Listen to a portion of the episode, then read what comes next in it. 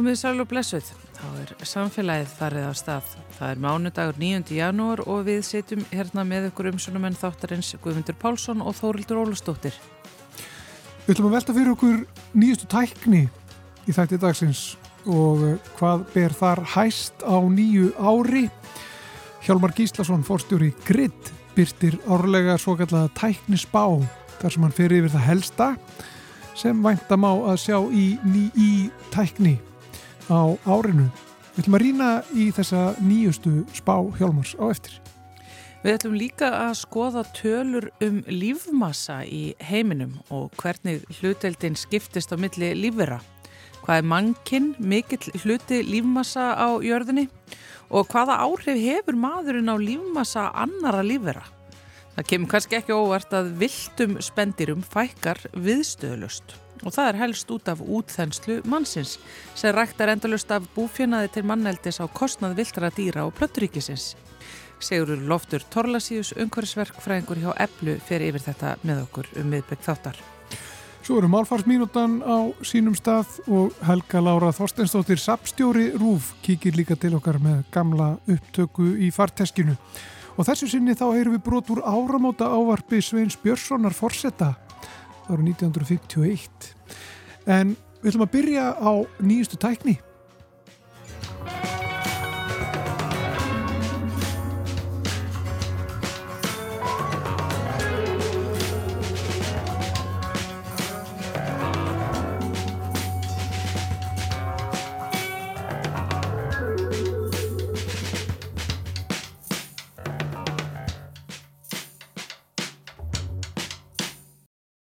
Þá ætlum við að velta eins fyrir okkur árunni 2023 þegar kemur að tækni.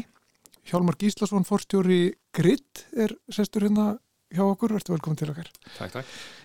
Þú hefur alltaf byrt núna í nokkur ár tæknisbá þar sem þú velti fyrir þér því sem að verður efst á bauði í, í tækninni. Akkurat. Og núna byrtist á vef kjarnans uh, þessi spá þín fyrir árið 2023.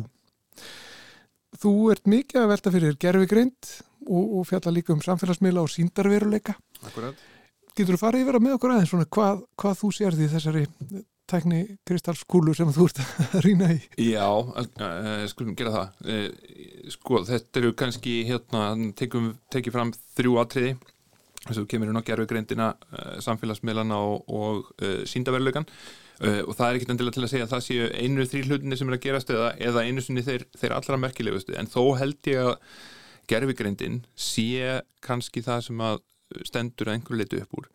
Uh, við eigum hérna já við höfum séð núna á síðasta ári koma fram uh, ansi magnaða hluti svona eiginlega töfrum líkasta bæði í því að, að búa til myndir af svona bara eftir einföldum lýsingum þar sem við höfum haldið kannski hinga til að þurfti mannlega greint til þess að gera að fá bara nokkur orða lýsingu að geta teiknaða því hérna, eh, teiknaða því mynd og gert því einhver, einhver skil og gert þar, eh, þar er ekki bara að verfa um sekundum eh, og síðan kannski sko það sem er ekki farið alveg afnhátt en hérna er held ég ennþá stærri bilding, það er það sem er verið að gera í því að, að, að gerfugreindir að skrifa texta eh, og það er þú gerur þetta mótel sem er búið að, að þjálfa á eh, stórum hluta af vefnum, stórum hluta af öllum þeim upplýsingum sem eru á veraldavefnum eh, og eh, geta tekið saman og svarað bara mannlegum spurningum eh, í því eh, og, og, og gert það betur heldur en, heldur en stór hluti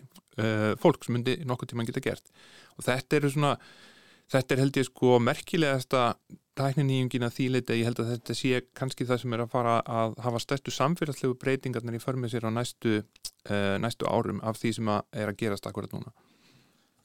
Og núna erum við á einhverjum, einhverjum punkti, það er einhver, við erum komin yfir einhver þröskuldir það ekki þegar kemur að þessum mál? Jú, sko gerfugrindin er alltaf búin að vera hérna, já ég held bara það er, það er hægt að fara alveg aftur til árdaga tölvunar Eh, og þá hafðu fólk verið að velta fyrir sig gerfigreind og reyndar kalla það alltaf á svona skemmtilegar heimsbyggilega vangaveltu líka bara hvað er greind og, og hvernig þekkjum við hvernig, hver er munurinn á, á mannleiri greind og einhvers konar gerfigreind eh, og myndum við þekkja það í sundur ef, ef við sæjum það? Eh, og núna eru svona sömur þessi hluta komnir á, á þann stað að, að það er orðið erfitt að þekkja það í sundur. Uh, hérna, sem dæmi við tökum, hérna, tökum dæmi af chat GPT uh, forritinu sem að margir voru að leika sér með uh, hérna undir lok ársins það sem er hægt að eiga bara í samtali við hérna gerfigrindar veru eða hvað við viljum kalla það uh, sem að getur kallað fram ótrúlegustu upplýsingar og, og skrifað jafnvelstu þetta pistla eða, eða lengri greinar um, um hitt og þetta, skrifa ljóð, rýma þau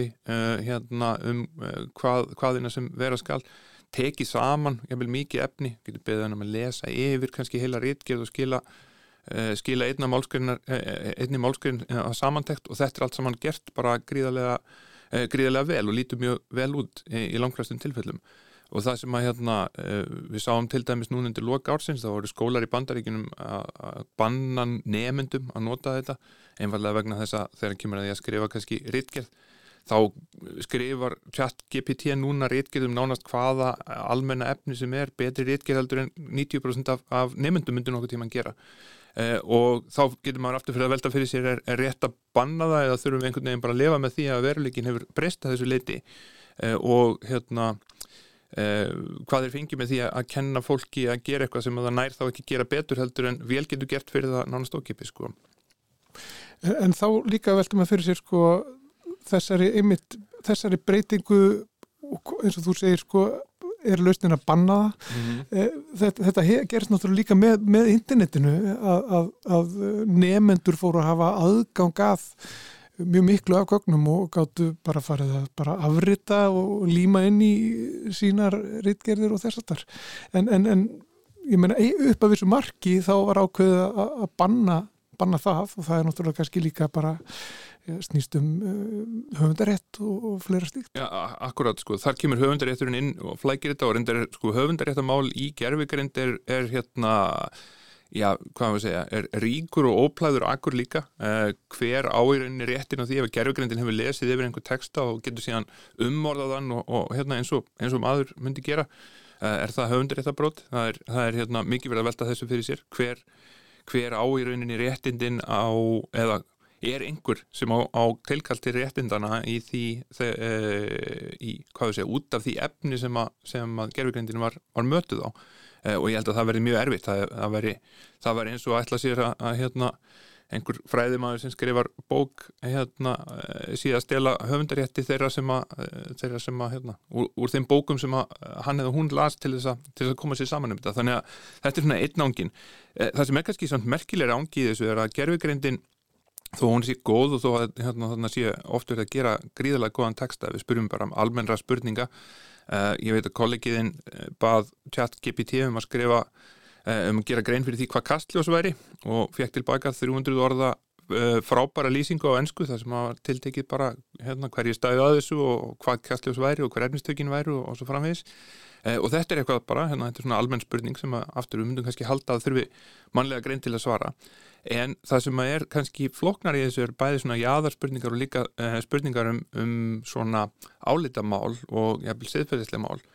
Uh, vegna þess að gerfugrindin veit, uh, hvað ég, hún, hún gerfugrindin endur spekla bara það sem hún er mötuð á.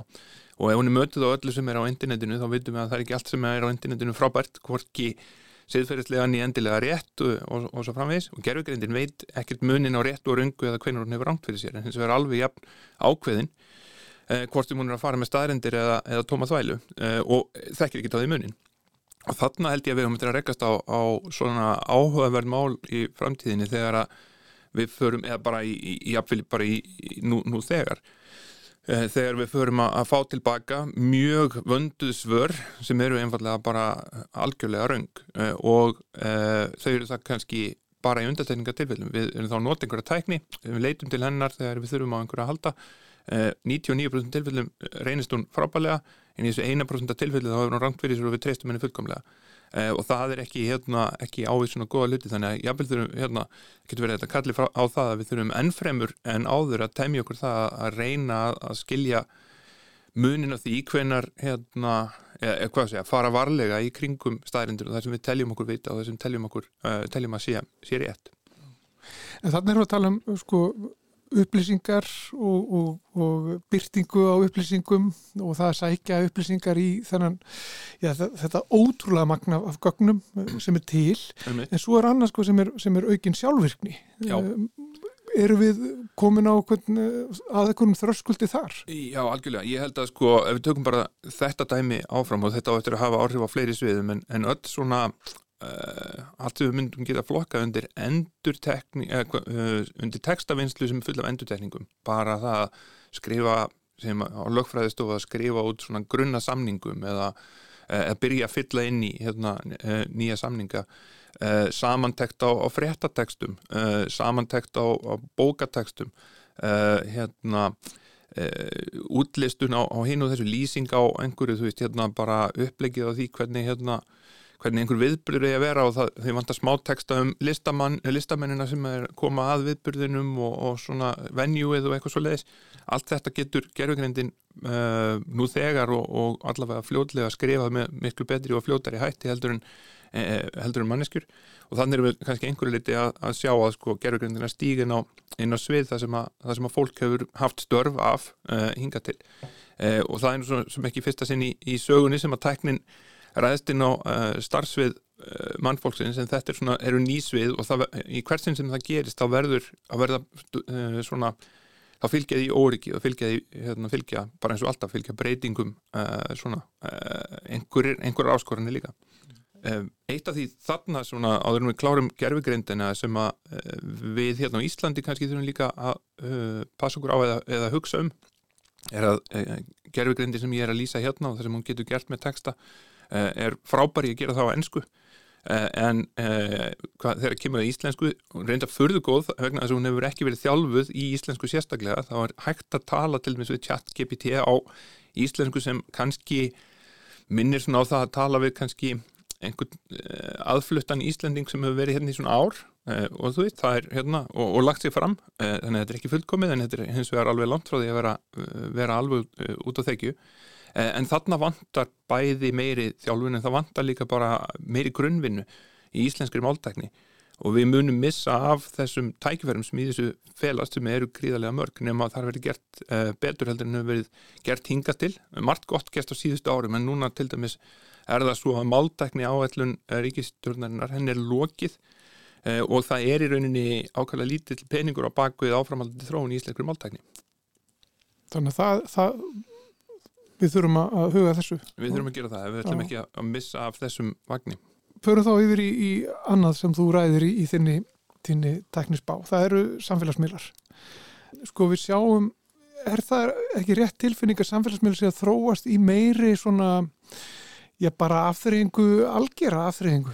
Það, er sko, það eru komið þessi, þessi myndbrot sem að byrtast fólki sko og svo allt í einu 40 mínutur setna þá áttar fólk sig á því að það er búið að vera bara mm -hmm. skoða hvert myndbandi og fættur öðru þar sem að ég veit að ekki kvolpur er að gera eitthvað eða, það eru tveir kettlingar einhvern veginn að, að leika sér og, og svo framvegs eða uppáls tónlistamæðurðin er búin að koma í, í, í 15-30 mínútna viðtöl Uh, jú, ég held að þetta sé rétt og hérna, uh, það náttúrulega er markmið samfélagsmiðla fyrirtekin að halda okkur uh, sem lengst, halda aðtekla okkar sem lengst.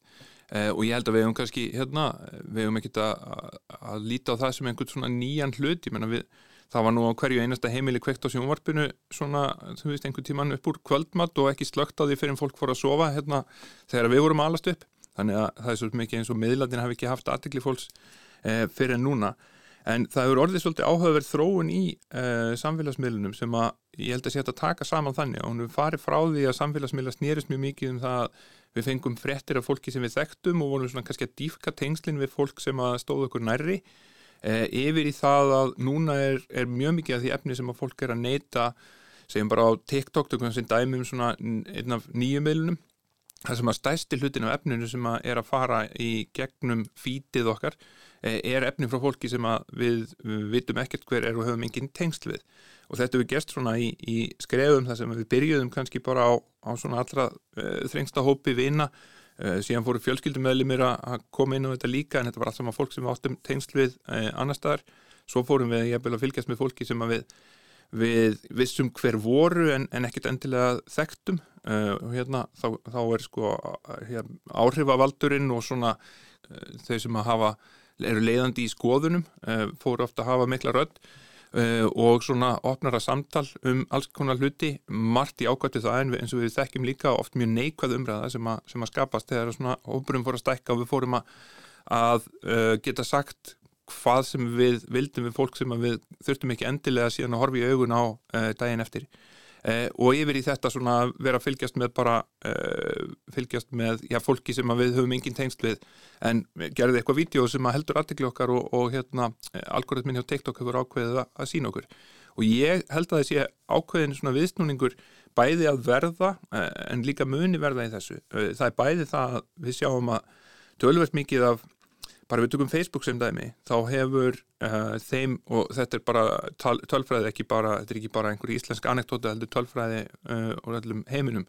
Fólk er minn og minna að deila efni opið á uh, Facebook og farið að loka efninu meira af ég hafði farið að nota meira sko beina samskiptameila, bara einhvers konar messenger forrættið eitthvað svolítið til að senda myndir beint á lítinn hópa fólki og, og hérna eiga í beinum samskiptum. Ég hafði leiði sko þannig að skiptum en, en þá aftur í, í litlum hópi. Uh, og uh, þannig að fólk er bæða breytað í hvernig það er að nota núverandi miðla. Og ég held að það geta alveg verið að við sæjum líka nýja miðla að koma fram sem leggja meiri áherslu á þetta. Uh, sko þetta er ekki alveg nýtt á nálinni. Snapchat til dæmis bara þegar það kom fram sem er nú orðin áratugur síðan. Þar það höfðaði mjög snemma til á hverjans hópsfólk sem að sem að sótist í þetta að það voru ekki allir sem gáttu síða þetta og líka efnið gufaði upp að, að sólarheng liðnum. Þannig að það var heldur ekki verið að skilja eftir sig eitthvað sko uh, eitthvað spór sem að væri hægt að fletta upp í eða skoða setna meir uh, sem að á öðrum meðlum hefur komið sumum í koll líka eins og, við, eins og við þekkjum. Þannig ég held að við séum að sjá þarna svona þróun í áttina því að, að samfélagsmiðlunni verði aftur persónulegri það er hens vegar ekki, að taka hitt í burtu því að það sem hefur gerst er að TikTok er þá bara orðið Eh, komið í hlutverki sem að, sem að sjónvarpið hérna, uh, gengdi áður, þar að segja er fjölmiðl en síðan erum við þá aftur í einhverjum öðrum miðlum með svona meira þessi persónulegu tengst sem að samfélagsmiðlunni kynnt okkur fyrir uh, á sínum tíma. Einn ángi af samfélagsmiðlum núna það er sko síndauralegi það, það, mm -hmm. það er náttúrulega Facebook og Meta það, það stóra fyrirtæki uh, er að fara að færa sig meira yfir í, í við er þetta árið þar sem að, að allt fyrir að gerast þar? Ég held að þetta sé kannski ekki árið þar sem allt gerist en, en þetta er uh, það er áhugavert að horfa á þróunina og ég gerði það að ganni mín og ég bar saman tölur í, í sko hérna útbreyðslu síndarveruleika tækja það er að segja bara svona einhverja glerugna sem að fólk getur sett á sig og, og farið inn í einhvern síndarveruleika heim sem að er fyrir þau sem að hafa uh, prófað þetta þá þekki það, þetta er ansi, ansi hérna, mögnuð upplifun eh, og hérna eh, og svona hefur augljóslega alls konar möguleika en tæknin hefur hins vegar svona hefur tekið hangan tíma að gera þetta þannig að þetta, þetta plata okkur alveg og við verðum ekki, fáum ekki hausverk og verðum ekki lasin á því að, að nota þetta. En ef við berjum þessa tölfræði saman við bara eh, tölfræðin í útbreyðslu þessara tæki saman við tölfræðina eh, sem áttur sér staðvarandi farsíma snemma. Þá erum við þarna á svipuðum stað og erum að þróast með svipuðum hætti frá ári til árs eins og við vorum með miðja tíunda áratugin, það er að segja kringum 95, þá var álíka mikið af, uh, af farsímum í heiminum eins og það eru síndaveruleika tækjum núna og uh, var cirka tvöfaldast frá ári til árs. Og það er það sama að við erum að sjá í síndaveruleika tækjunum, þannig ég held að þau tæki sem við sjáum núna og er þjónustur eða er leikir og, og það sem við sjáum þar inni Eh, ef við ímyndum okkur að, að núna sé árið 95 eh, og hérna í þessum, þessum heimi þá getum við bara rétt ímyndað okkur hvernig sko árið 2020 eh, eða það er að segja 25 árum síðar, svona einhver tíman 2040 eitthvað, verður þegar kemur að síndaveruleika og það held ég að verði ansið magnað, ég spáði því að innan áratöks þá verði svona eh, dagleg nótkun, ekkit endilega sko, þú veist þá á ég alls ekki við bara frá mótni til kvölds, heldur bara að við nótum þetta einhverju leiti í okkar daglegu lífi. Eh, orðið bísna útbreytt eh, og hérna eh, bæði í sko aftreyingu líka í, í eh, fundi að einhverju leiti eh, hérna margt segjum fjarfundi en ég held að það sé hægt að gera alveg ágættis upplifun og betri þarna heldur en á til dæmis Zoom sem að margir nota nú samtansi mikið Uh, og hérna, en kemur engan eh, veginn náttúrulega í staðin fyrir persónuleg samskipti en bætir, bætist við. Uh, og hérna, og síðan er þetta svona, eitthvað sem mun að halda áfram. Og þá er það ekki bara síndaveruleiki heldur ekki að þessi viðbætti veruleiki, þar sem við erum í rauninni að horfa á raunveruleikan en síðan sko, þegar ég sitt hérna fyrir framann þig og man ekki hvað þú heitir þá bara sjáum við hérna label Guðmundur Pálsson uh, fljúandi í glerugunum okkar fyrir, fyrir ofan þig og, og, og fleiri þessum dúr uh, við sjáum mjög flott að mér að segja íslenska tækni sem er til dæmis að taka arkitektur mjög skemmtilegi gegn í þessu það sem að þú getur verið að horfa á hlutin í kringu en bættin veggjum og sé hvernig það kemur út eða sett sofa einhver staðar og, og hérna breyta honum lit þannig til að þú ert ánaðið ánaðið með það og, hérna áður þú ákveður að splæsa í, í breytingar eða nýjan sofa sko. En flesta þessu samt sem við erum búin að tala um núna er keirt áfram af afþreyingu. Að þetta, er, þetta eru afþreyingar tól á stórun hluta. En bara svona ef við horfum á þetta bara svona út frá víðara notagildi einhvern veginn. Þa, það er, það liggur þarna ég menna þetta snýst ekki bara um að, að það sé gaman. Nei, algjörlega. Reyndar hérna aftreying er náttúrulega stór hluti af því sem við notum sko tíma okkur peninga í. Þannig að hérna, það er ekkert skrítið að, að það sé uh, það sé stór hluti af þessu. En uh, við náttúrulega hérna heldum við alveg komið inn á það með gerfugreindina og síðan kannski einhverju liti samfélagsmiðlarnir eru náttúrulega þarna en varandi síndaveruleikan þá er þetta sko þá er þetta aftur, þetta fer kannski fyrst inn í svona hinn almenna hefði almenna vinnu umhverfi í gegnum sko einhvers konar fundi og eitthvað slíkt. Eh, líka allskins hönnun eh, allskins samvinna og sérstaklega samvinna fólk sem er ekki á sama stað. Þar held ég að sko þetta Uh, aftur, þetta kemur aldrei í staðin fyrir það að hittast auðvitað til auðvitaðs en margt af þessu sem að fælst í því að einhvern veginn vera í sama rýminu uh, geta hérna, uh, skapa saman, teikna saman gert hluti saman í einhverju rými sem er ekki sko bara tvíður tölviskjár. Þar held ég að við höfum þetta að sjá, þannig þetta er svona þetta eru er samverðin tól þar sem við höfum þetta að sjá þetta fyrst og svo náttúrulega sérstaklega í greinum sem að hafa einfallega bara með hérna hvað við segja, raunveruleikan eða svona, svona heimin í kringum að gera, þú veist, hönnun þarna aftur eins og, eins og arkitektúr eða eh, eða, eða, eða hérna, verkfræði af ymsum toga eh, viðgerðir og, og hitt og þetta. Eh, og síðan er sko hérna, við séum ótrúlega, ótrúlega magnaða hluti í sko samspili síðan sko síndaveruleika tæknu til mist dróna. Það sem að fólk í rauninni það er eins og þú setjast upp í eitthvað tæki og, og fljúur ekkert og getur skoða hluti og, og það hérna er þá gildi þá e, jæmt með flugdróna eins og, og neðansjáfadróna og hitt og þetta það sem að getum einfallega að fara svona að e, að upplifa hluti í fyrstu personu eins og við síðum á staðnum e, án þess að þurfa að leggja okkur í hættu eða, eða fara í e, svo dýra tækni að, að það þurfa að vera hægt að koma fólki á alla þessa staði.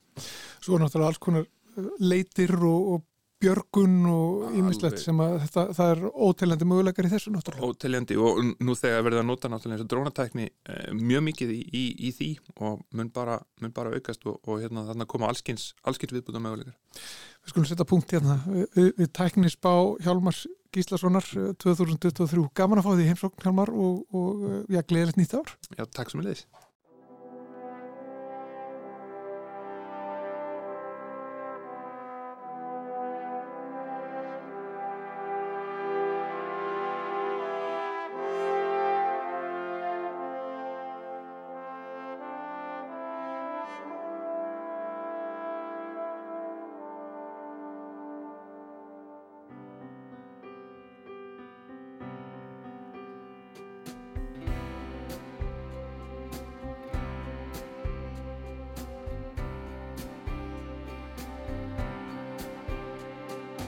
Augnabliki áður en ég fættist Var ég færður í tilsniðna flík. Til að tryggja hvaða búningi ég klætist Utandur í Reykjavík. Augnabliki áður en ég fættist Var mér fært í hendur þétt skrifað veit ekki hvaða bylla einhver slætist sem að færði til minn ákveðna stæl er allur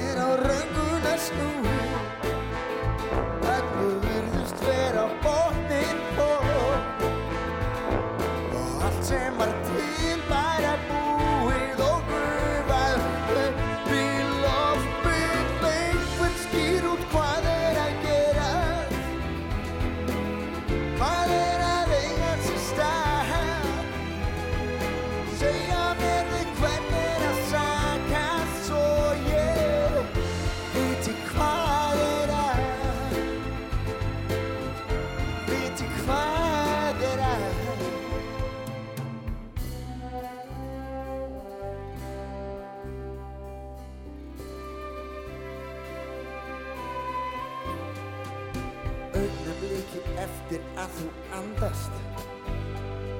Og finnur loksinn rétta flöt.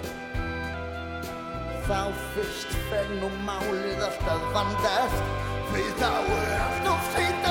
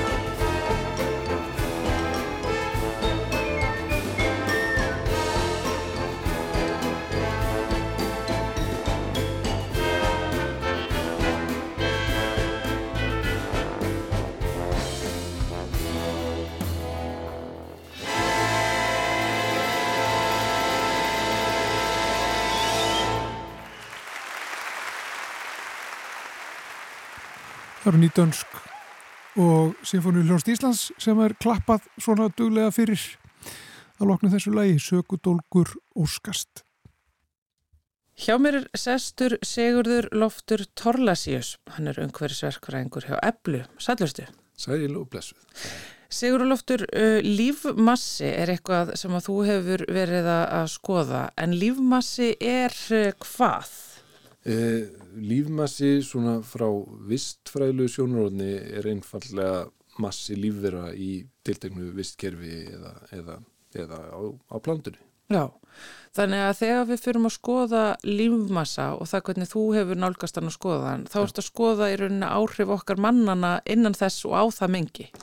Já, ég, ég verið að svona eh, dempa mér onni ákveðna rannsókn sem var gerð á, á lífmassa allra lífvera á jörðinni og það er frekar nýlega rannsókn. Eh, hún var gerð 2018 og fyrir þann tíma hafði bara einfallega aldrei verið skoður hvernig lífmassi eh, allra lífvera á jörðinni skiptist á milli mismundi flokka eh, lífvera. Já, Plöntur, það var kannski verið skoðar plöntur sérstaklega en ekki, ekki, ekki þessi heild, eh, ekki plándan í heild sinni. Og ef við byrjum á byrjunni þá er heildar lífmassi allra lífvera á jörðinni í kringum 550.000 megatonn af kólefni. En ok, hvað er það? Eh, Málið er að, að lífmassi er, eh, hvernig, hvernig mælur er lífmassa? Það er svona tilýmsar leiðir til þess. Þú getur bara tekið hverju massi af, af þessum lífverum. Þú getur líka skoðað til dæmis hvað er mikið kólefni bundið í, í vefjum eh, lífverana. já, hvernig ætlar að bera saman eh, lífveru líka? Eh, Þú veist með kannski marglittu og mann, eh, hvernig ætlar að bera það saman? Marglitan er 95% vatn, við erum hérna 60-70% vatn. Eh, Þannig það er eðlert að, að grípa þarna kólefnið sem er bundið í vefjum okkar Já, og nota það sem samanbyrðað milli lífvera. já, Og það er svona, já, ígildi lífmassa og uh, ég nefndi þann megatonn af, af kólefni eh, en það er kannski ágætt að setja það bara í samingi við uh, uh, hva, hvað er mikið lífmassi eða, eða lífrænt kólefni í, í öllu mannkynni. Og, og það er ekkit það er ekkit svo það er ekkit mála að reikna það út. Við vitum að við erum 8 miljardar manns á jörðinni og meðal mannskeiða kannski 50 kíló.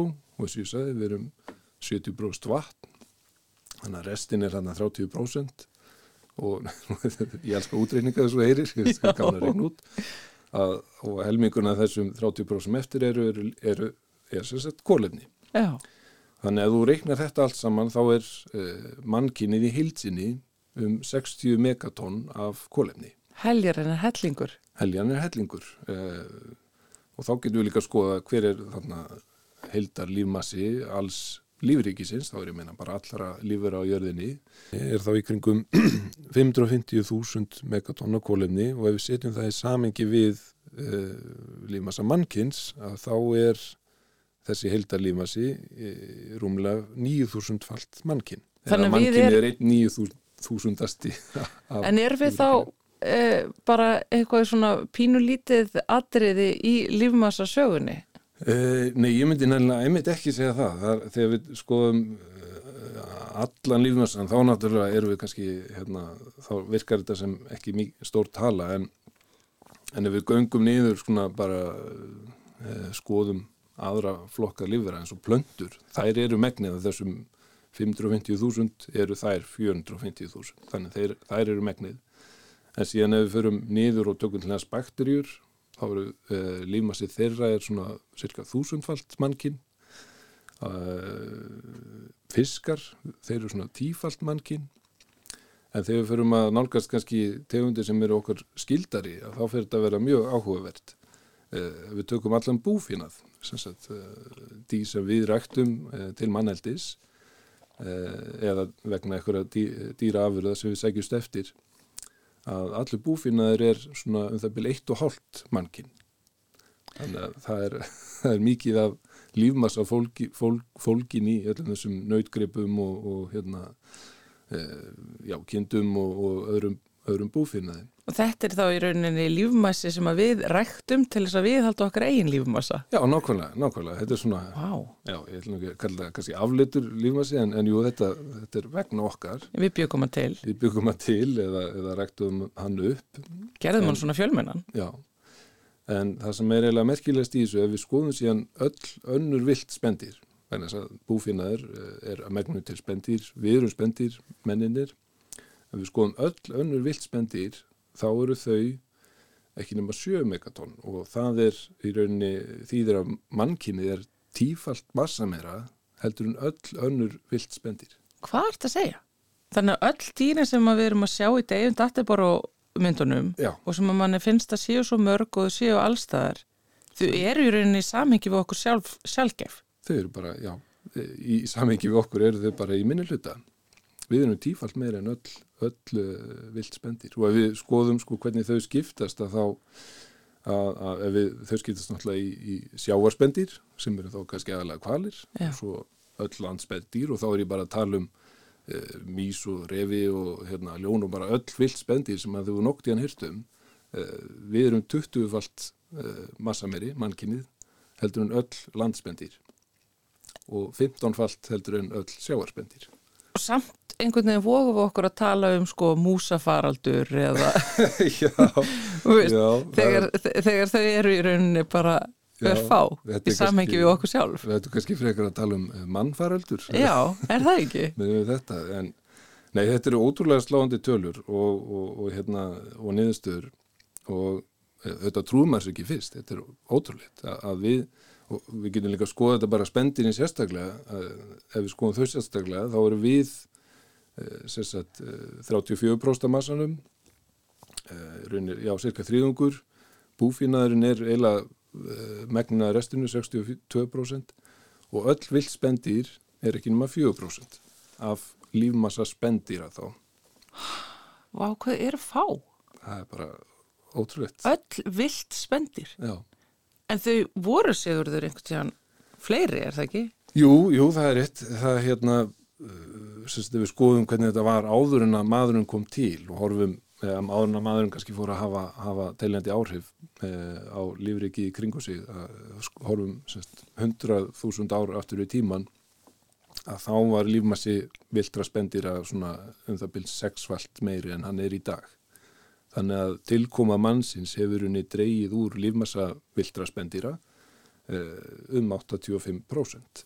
Þannig að það er bara hægt að sjá það ef þú skoðar þróununa á lífmassa mannsins annars vegar og viltra spendýra hins vegar að, að fjölgun mannkins er á kostnað viltra spendýra. heldur betur það sést alveg, alveg á tæru þegar þessar niðurstöður kom út og með því sem að lífumassi mannkins uh, stækkar eða verður meiri að þá hérna, fjölgar uh, búfjanaði af því að við Já, vissulega erum svöng.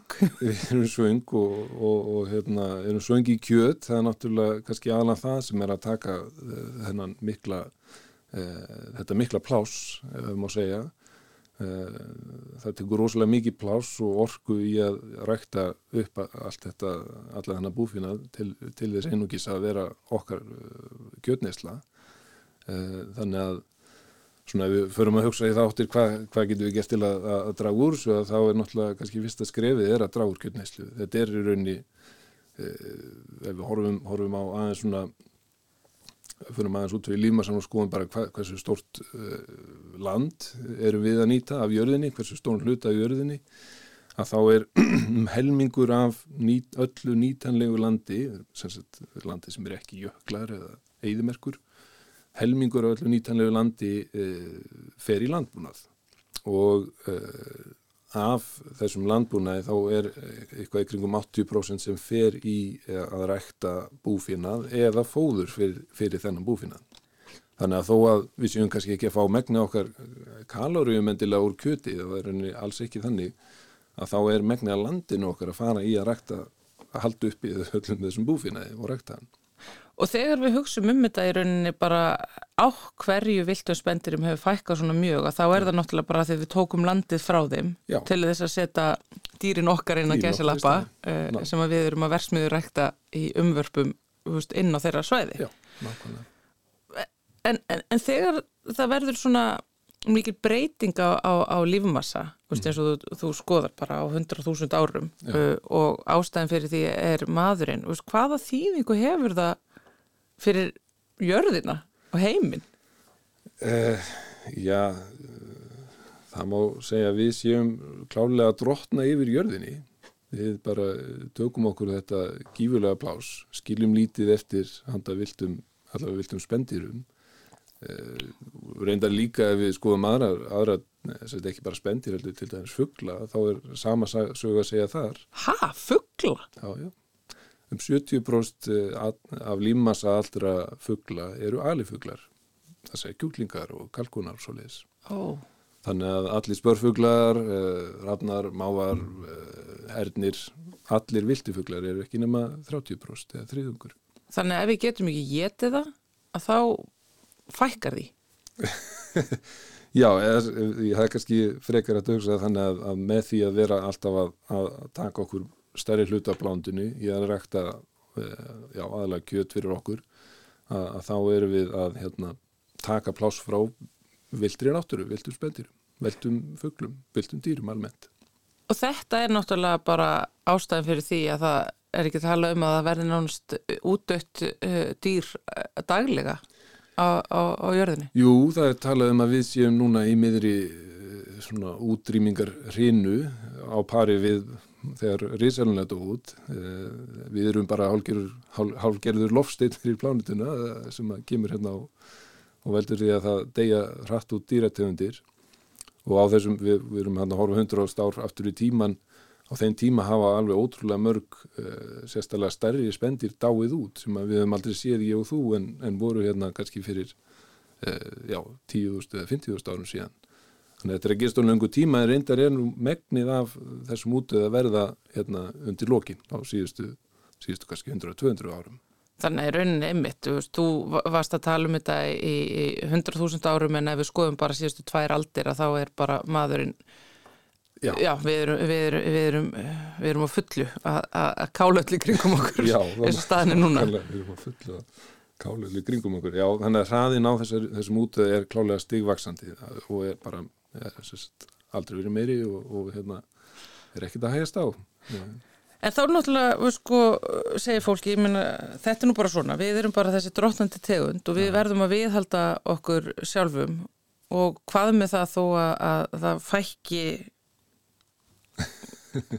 fílum eða, eða Já. tígristýrum eða, eða rottum eða, þú veist, Það er náttúrulega, það er náttúrulega mikið skeitingarleysi í garð annara lífvera. Við erum bara ein lífvera hérna á plánutunni og okkur eigum við að eiga svona stórun luta af henni. Eh, mér finnst það persónulega ekki sangjant og, og hérna e, og meiri segja bara út frá svona hagfræðilegu sjónamiði eða ef maður bara hugsa um, um gróða fyrir, fyrir hérna, mannkinni sjálft að þá eru við náttúrulega að grafa undan undirstöðum okkar uh, samfélags eða bara eða mannkinsins sem slíks. Framtíðar lífmass okkar. Já, með því að vera að, að hvað sé að, eða náttúrulega í kringum okkur. Og, og hérna uh, og svo er náttúrulega annað í þessu að við erum að taka alltaf mikið pláss, eins og ég sagði.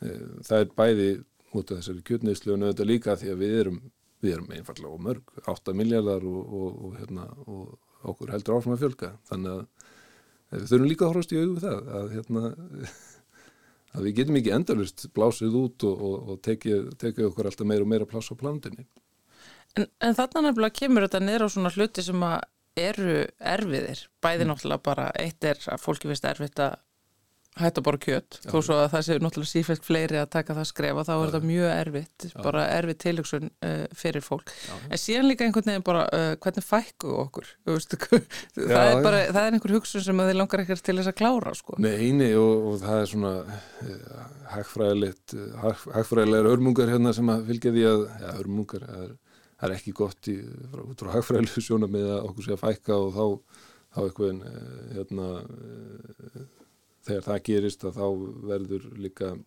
eh, aldurstreyfingin, það verður alltaf fólk verður eldra, eða sett fleiri eldri í, samfél, í hérna, samfélaginu þannig að það er eins og svona eh, erfiðleika sem fylgja því að það mögulega draga úr, úr stærl mannkins en mér finnst að vera algjörlega nöðsilegt að, að gera það eitthvað með einn. Það þarf ekki að vera þannig að einhverja eh, stórtækar aðgerir eh, við sáum alltaf hvernig Kína gera það, það var nú kannski heldur yfirdrifið. Já Eh, að takmarka fjölda barna við eitt á, á fóreldri. Um, en uh, það þarf kannski ekki að fara alls ekki að fara allaveg þángað og þetta er fólksfjölkin kannski mest að, að þar sem að aðstæður eru ekki, ekki góðar og, og, og fólk verður ekki mentun og, og er í mikil í fát, fátækt. Þannig Já, þannig rauninni náttúrulega er, hefur mynd verið bent á þróunar aðstöðir er besta tækið okkar til þess að stemmast yfir við e, fólksfjölgun Já og, og aðstofa sérstaklega e, sérst, konur í, hérna, til mentunar og, og sjálfstæðis í, í löndum e, það sem er mikið fátækt mm. sem gefur þeim þá meiri yfiráðarétt yfir, yfir sjálfum sér og, hérna, og gagvart samfélaginu geta tekið ákvarðanir um sína framtíð sjálfar og þá yfirleitt mingar þetta rætt sko. Já En það er náttúrulega þá bara það sem að hver og eitt gerir af því að hitt er svona starra atrið, þá er það bara kjötið. Já, já. Það er eiginlega varla verjandi þegar þú setur þetta svona upp og, og þú sínt þetta grafíst líka að hvað við erum að taka mikið bita af kökunni og deilum engum með okkur. Já, við, við spóruð okkar væri mun minna ef að neyslan á, á kjöti væri ekki svona mikil á hensvísu, en hún er á aukast og, og við tölum hérna um þróunarlönda þar nú kannski einmitt e, þróunin í þá átt að, að, að borða meira kjött þar líka, þannig að Væri við einhvers betur settari, eða væri við betur sett ef við myndum fara þá að rekta einhverjar plöndur, væri við þá ekki að taka bara pláss frá sóleifum og, og, og lampagrassi? Nei, það er nefnilega algengum miskilningur eða þú vilt, eh, hérna, eh, hérna, það þarf bara svo miklu minna landsvæði. Já.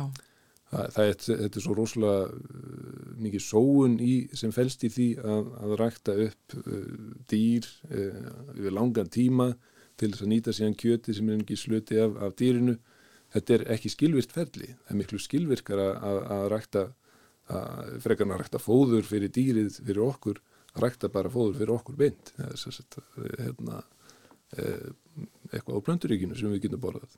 Já, þannig að allt það landsæði sem við erum núna búin að leggja undir búfjönað á kostnað viltra spendýra og bara lífríkis og lífmassa alls í heiminum það væri hægt að, að, að vinna eitthvað í baka endurhenda visskerfi og séðan getur við jafnvel haldið eftir stórum bitum fyrir okkur sjálf en bara þá rægt að plöndu baseraðar mat. Já, það var hérna ná miklu márangrið þannig uh, algjörlega. Uh, við ættum svona líka að stefna það að fríða einfallega svæði skilja eftir pláss fyrir náttúruna við erum ekki að fara inn á, inn á hérna, náttúrulega svæði ekki það sem er mikil lífræðilegur fjölbreytileiki eða, eða mikil lífmassi, nú erum við tal, tala meira um lífmassa eh, og, og nýlega var hérna á, á COP15 eh, alþjóðlaugri ráðstöfnu um, um, hérna, um lífræðilegan fjölbreytileika kom, var komast að því samkómulegi að að vernda 30% af jörðinni, mm -hmm. 30% af hafi og 30% af landi. En vísindamenn hafa eins og sagt að þetta þyrti nú að vera í raunni 50% eða meira ef, ef hérna, svona helst.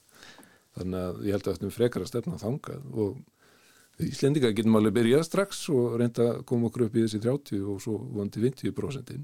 Við ættum auðvitað að geta það með okkar hafsæði. Já, já, já og, og hérna, við erum langt frá því hins vegar. Eh, það er mjög lítið af, af landsvæði kringum Ísland verið vendað.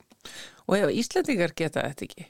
Já, nákvæmlega, með okkar dreifbíla land og, og hérna, við, svona þannlega, nægt plás, eh, þá ættum við nú alveg að geta þetta. Já. Og mér finnst einfallega sjálfum að okkur beri síðferðslega skilda til þess að skila ykkur tilbaka til plánundunar. Það er bara frálegt að við sem að taka okkur meira en elminga plánundunni bara fyrir okkur. Einn dýrategund sem er að tróttið yfir öllum öðrum. Þegar þú leggur þetta svona upp þá blasir þetta bara auðvitað við. Segur Loftur Torlasíus, umhverfisverkfrængur hjá Eblu. Takk kærlega fyrir komuna. Takk fyrir mig.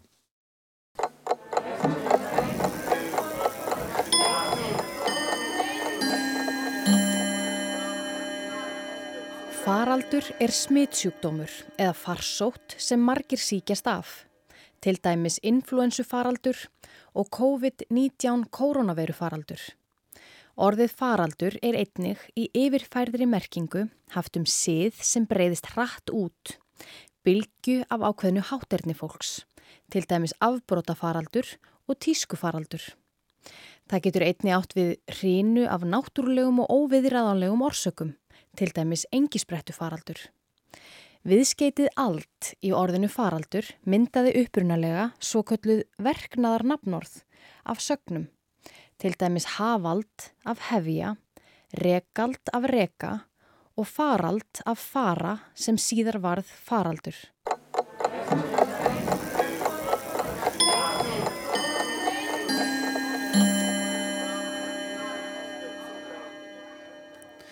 Málfarsmínuta að baki og uh, þá nú komið á öðrum uh, reglugum föstum lið hér í samfélaginu sem er heimsókn úr uh, sapni Rúf. Þá kemur Helga Lára Þorstensdóttir, sapnstjóri hinga til okkar. Sælvertu? Komið í sæl. Hvað ertu með farteskinu í dag? Jú, þar sem að áramótin eru ný afstæðin og þetta er fyrsti þátturinn sem ég mæti í á nýja ári. Uh -huh. Þá langar mig í dag að rifja upp áramóta ávarp uh, fyrsta fórseta Íslands, Sveins Björnssonar, sem tekið var upp á bestastöðum um áramótin 1950-51. Já. Og þetta er af fyrsta merta segulbandinu í safni útarsins og það ber nafnið DB1. Já. og það eru samt sko til örf á eldri áramóta áverf í safninu en þau voru tekinu upp á lakkplötur og það elsta er frá þá 1942 sem er áður en við urðum sjálfstæð þjóð en það hjælt samt sem áður Sveit Björnsson líka en þá sem ríkistjóri Íslands. Hann varði auðvitað ekkit fórseti fyrir en við fengum sjálfstæði 1944 en hljóðgæðin á þeirri upptöku er mjög slæm. Já, já. Þannig að við ætlum að geta að hlusta hana í dag. Já, þannig að þú ert að bjóða okkur hér upp á veist, góðu hljóngæði svona með við hvað þetta er annars gamalt. Já, með við, þetta er 70 ára gamalt rúmlega. En hérna, þetta er samt sko, já, þau eru ágætt slöggið á þessu og, og þetta er líka svona, finnst mér áhugavert fyrir fleiri sko hlutasakir. Það er til dæmis um, að Svein fer hérna yfir sviðið á þeim tímamótum sem marka akkurat þegar að 20. öldin er hálnuð. Mm. Þetta er svona svo uppgjur í háluleik aldarinnar. Hann er akkurat 50 ár liðin og 50 ár eftir til næstu aldamóta. Já. Og á þessum fyrri hluta 20. aldar þá náði Ísland yfirráðum yfir öllum stjórnfarslegum málum úr höndum dana Mhm. og breytingarnar á samfélaginu voru gríðalegar eins og Svein rekur í erindi sínu. Og Svein ræðir ekki bara um praktíska hluti, heldur þó beinir hann sjónum okkar líka að andlegum verðmætum. Veist, hann ræðir um frelsi, andans undan óki, tækni og peninga og að peningar séu ekki eini mælikvarði allra hluta. Þannig að mér finnst það nokkuð framsýtt maður og mér finnst sko hressandi hvað þessi orðsveins gætu sko fullvel átt við í svona áramóta erindi í dag eins og fyrir 70 árum. Því að okkur hefur auðvitað ekki enn auðnast nógu vel að tilenga okkur aðra mælikvarða en krónur og öyra eins og svitt kvart okkur til að gera. Þannig að þarna eru orð sem við ættum sem samfélag að geta tekið til okkar í dag. En hvað þetta er gaman að heyra þegar sko maður mm. heldur fyrir að fyrsta áramáta ávörp hljóti bara í eðli sínu að vera leiðileg og hvað þá 70 ára gömul áramáta ávörp yes, þetta er það bara, það er, það, það, það er mikið í þessu. Ég sagði aldrei að þetta verið skemmtilegt, þú veist þetta er að geta eitthvað sérstaklega skemmtilegt. Já, maður getur tekið þetta til sín. En maður getur tekið þetta til sín og hann er svona framsýtni í hugsun og orði heldur en ég bjóst við en hann var fósitt í Íslands frá 1944 til 1952 þegar hann lest. Hann átti sem sé eftir eitt ár ólifað þegar að þetta ávarp er flutt. Já, alveg rétt. Mm -hmm. Þannig að þetta er alveg stórmerkileg uh, heimild þarna úr safninu uh, hjá okkur. Já. Og enn eitt merki um bara hvaða eru margir gullmúlar sem að þið sitið á. Mm -hmm. Já, einmitt. Og þetta er eins og þú sagðir, þá er þetta mert DB1 mm -hmm. og við sem að stundum fáum að kíkja í, í safnið hér þá þekkjum við þetta DB mm -hmm. sem er uh, á undan öllum öll, eða er í, í heitinu á öllum uh, segulböndunum. Já, þau eru núna orðin svona 28.000 talsins þetta er útrúlega flott, flott heiti sko. En, en það sem er geimt núna og er ekki geimt náttúrulega á segulböndum heldur DB sér í deilinu. Já. Það er alltaf DB. Já, nei, DB er sko bara segulbundin. Já. Já, nei, reyndar. DB segulbund. Það er þannig. Já. En já, svo fær önnur media fær annað fórskeiti. Já. Mm, Þetta er allt saman eins og maður sér önnur saga. En takk fyrir komuna, Helga Lara. Við skulum hlusta á Svein Björnsson á áramótunum 1950 og 1951. Það mun hafi verið árið 1928. Ég var viðstattur setningu þings norrætna verkfræðinga í Kaupmannöfn. Slikt þing hafði þá ekki verið haldið þar í 30 ár, ekki síðan ári 1898. Í setningaræðu sinni rifjaði fórseti þingsins upp stöldlega þær tæknis framfarir sem orðið hefðu almennis eign að meiru eða minna leita á undarförnum 30 árum og bætt lífskjör fólks á ymsan hátt. Árið 1898 var óþægt eða lítþægt á Norðurlöndum að minnstakosti það sem nú skal tala og ég mann eftir. Bílar, mótorar, dísilmótorar, útvarp, flugvélar, röngangeslar, radjum. Talsímar voru mjög skortnum skamti, rafljós og baðtæki íbúðum sjálfgjafn. Miðstöðvarhitun í húsum sama sem óþægt. Grammofónar og kvikmyndir á byrjunastígi, ramastnotkun til eldunar, hitunar og sem afgjafi vela varla þekkt og rammagt til ljósa fremur sjálfgjaft. Ég var sjálfur 17 ára þetta ár, 1898. Ef ég hitt í dag 17 ára unling og segði honum að svona hefur það verið í heiminum, Þegar ég var á hans aldri myndi hann valla trúa mér. Og hver mikið af nýjungum sem voru óþægtar árið 1928 hafi ekki komið fram síðan. Af slíkum nýjungum síðust árana nefni ég aðeins kjarnorkuna og öll undra lifin til læknistóms. Þessi aukna tækni og þessar nýjungar eru flestar ekki sérrekt einstakra þjóðar. Það dreifist um löndin á líkan hátt og ringmyndaðar bárur sem koma fram er steinar varpa í vatn. Bárunum fjölgar eftir því sem fjelldreif og staðnum sem steinnum fjell. Ringinu náu starra og starra svæði en bárurnar deyfast líka að sama skapi.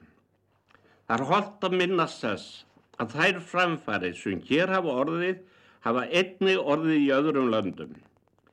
Ef ég held mér við samlíkingunum um steinin erum við Íslendingar máski um sum, stattir þar sem ringbáran er fjärstaðnum sem stefnir fjall í vatnir og minnst fer fyrir bárunni. Ef við gerum oss þetta ljóst, skulum við fremur innbeita huga vorum að því að dragast ekki aftur úr öðrum heldur fylgjast vel með og reyna að láta það ekki koma fyrir aftur að segja mig með sanni að við séum langt á eftir öðrum þjóðum. Ég hyggað óhætt sé að segja að skiliði fyrir þessu eru til frá náttúruna hendi ef oss vantar ekki vilja, vit og þekkingu til þess að notfæra þau á réttan hátt. Loks er það sem ég finn ekki betra orð fyrir en það sem oftast er notað í mun víttækari merkingu andlegt frelsi.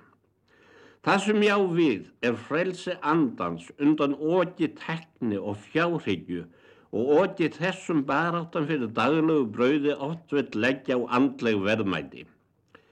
Nú á tímum er peningamælist ykkar lögð á flest og flestir vilja selja vinnu sína, aðra þjónustu og framleyslu sem dýrustu verði.